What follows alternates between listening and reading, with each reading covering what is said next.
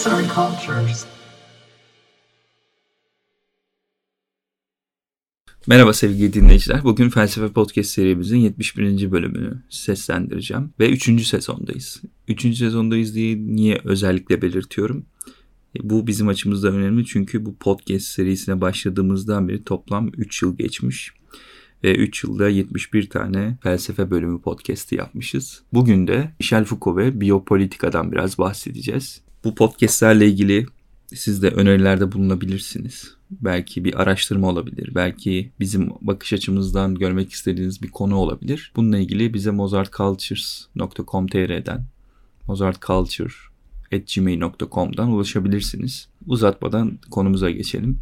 Foucault, klasik iktidar dönemi olarak adlandırdığı 17. yüzyıl döneminde iktidarın hukuk üzerinden egemen olduğunu söylemektedir. Bu dönemde iktidar merkezi bir konumda olmasının yanında yaşatma ve öldürme hakkını elinde bulunduran egemenin yönetimi altındadır. Özneler yasaya karşı gelmemeleri için uysallaştırılarak iktidarın merkezi olan devlet tarafından normal olarak belirlenen bir ulus devlet sınırları içerisinde tutulmaya çalışılır ve yasaya karşı gelenler iktidar tarafından cezalandırılır. Yasaya aykırı görülen davranışlar normal, yasal, yasak ve anormal olanın sınırlarını çizmektedir. Egemen bireylerden kendisine itaat etmeleri beklediği için toplumsal sözleşme yani yasanın denetimi hakimdir. Foucault'a göre iktidar herhangi bir tehlike durumunda kendisine tabi olan bireylerin doğrudan ölümünü istemese de savaşmalarını istemesi bakımından yaşamlarını tehlikeye sokmaktadır. İktidar, yaşam ve ölüm hakkını elinde tutması bakımından her daim bu hakkı ölümden yana kullanmaktadır.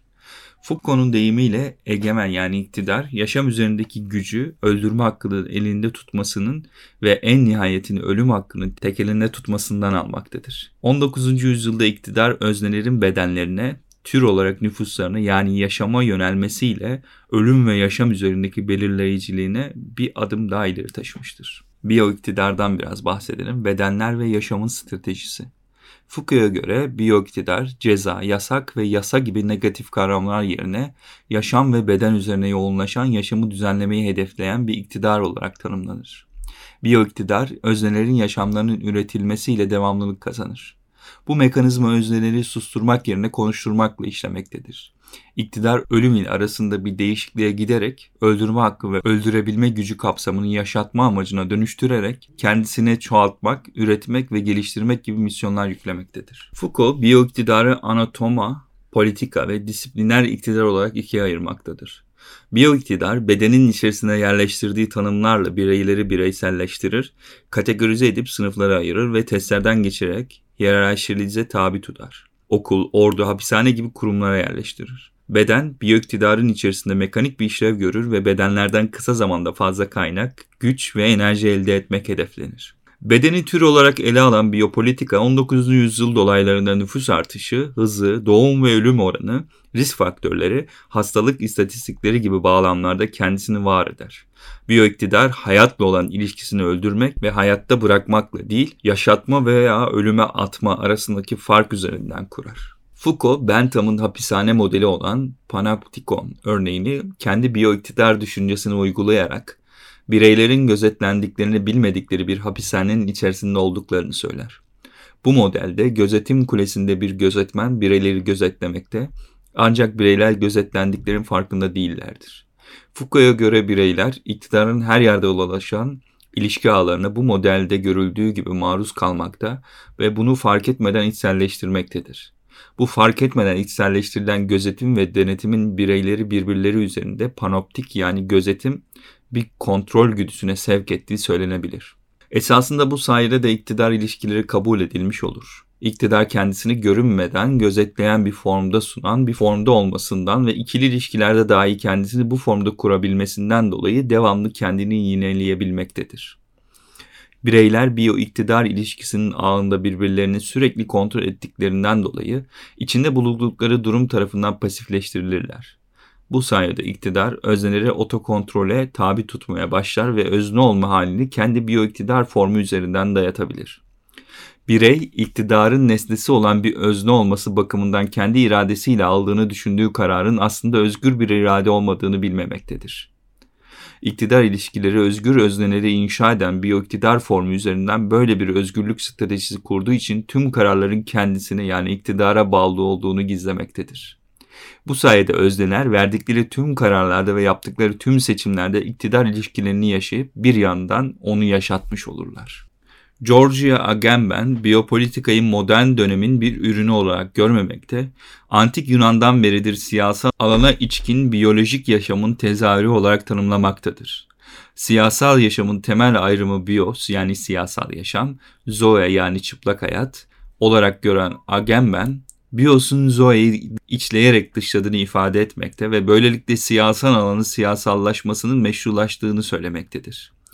İki kavram köken olarak hayat anlamına gelse de semiotik açıdan farklı olduğunu, Zoe'nin tüm canlı yaşamının biyolojisini ifade etmesine karşın bios'un birey veya topluluk yaşamı yani bir hayat tarzını ifade etmesine bağlamaktadır. Bios ve Zoe, klasik dönemde kamusal ve özel alan ayrımına tekabül etmektedir. Zoe üreme ile ilgili olarak özel alan, bios yaşamın nasıl yaşandığı ile ilgili olduğu için polisin yani yaşamın niteliği kamusal yaşam içerisinde tanımlanmaktadır. Antik Yunan'da Mios'un Zoe'ye üstün olduğu görüşünün aksine Agamben, Bios'un Zoe'yi içleyerek dışlaması neticesinde oluşan siyasal hayatın biyopolitik zemininin Zoe'nin siyasal alana işlemesinde görmektedir. Bu iki hayatın birleşmesinden doğal siyasal yaşam, egemen gücün kendi bedenine ekleyerek ürettiği biyopolitikaya dönüşür. Agamben hukukun yani yasanın belirleyiciliğini egemen üzerinden anlatarak normal olanın belirlendiği istisna halinin ortaya çıktığı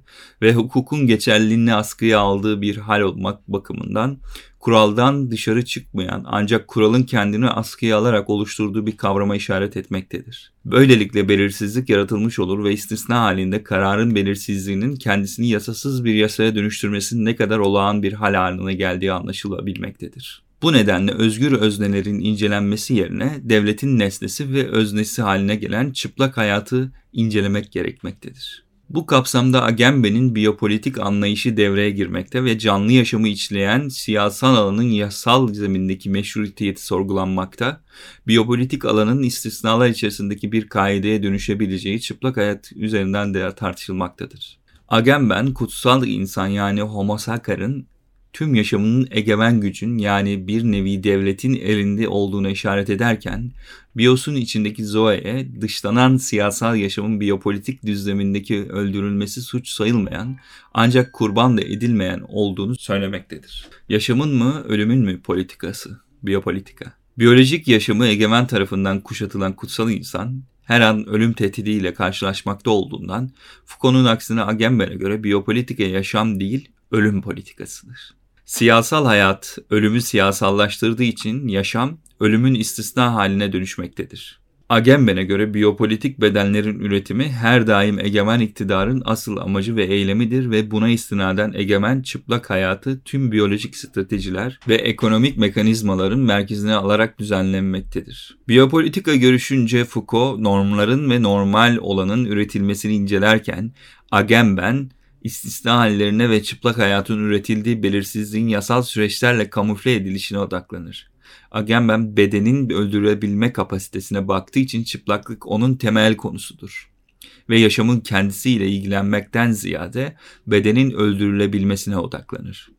Bu nedenle Foucault'un biyopolitika görüşündeki yaşam üzerindeki kontrolün Agamben'in ölümün politikalaştırılması düşüncesinde ölüm üzerindeki güç ilişkilerine dönüşmesi nezdinde iki düşünür birbirinin tamamlayıcısı olduğu görülebilir. Çıplak hayatın üretildiği mekanlar yani kamp ve biyopolitika. Panoptik gözetimden ziyade kampın içindeki yaşadığımızı ileri süren Agamben, bu kavramı anlamak için toplama kamplarına, hastane odalarına ve benzeri yerlere bakmamızı önermekte yani çıplak hayatın üretildiği her yerin kamp olduğunu söylemektedir. Bu yapı modern politik bir durum değil, aksine gündelik yaşamda kendisini sürekli olarak yenileyen bir olaya işaret etmektedir ölüm ve yaşam arasındaki biyopolitik düzlemde egemen her daim seçimini ölümden yana yapar ve bu nedenle özneler ölümün siyasallaştığı düzlemde ölümü istenenler olarak hem özne hem nesne haline gelirler.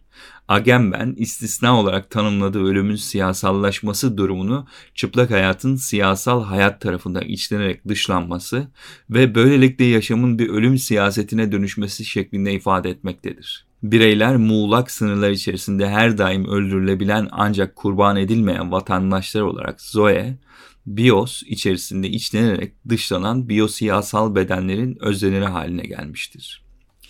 Sonuç olarak Foucault'a göre biyopolitika yaşamın politikası, öznelerin yaşamını üretme, düzenleme ve ölümünü ertelemenin politikası iken, Agamben'e göre biyopolitika çıplak hayatın yaşamının yaşam ve ölüm arasındaki sınırda ölüm lehine muğlaklaştığı bir ölüm politikasıdır.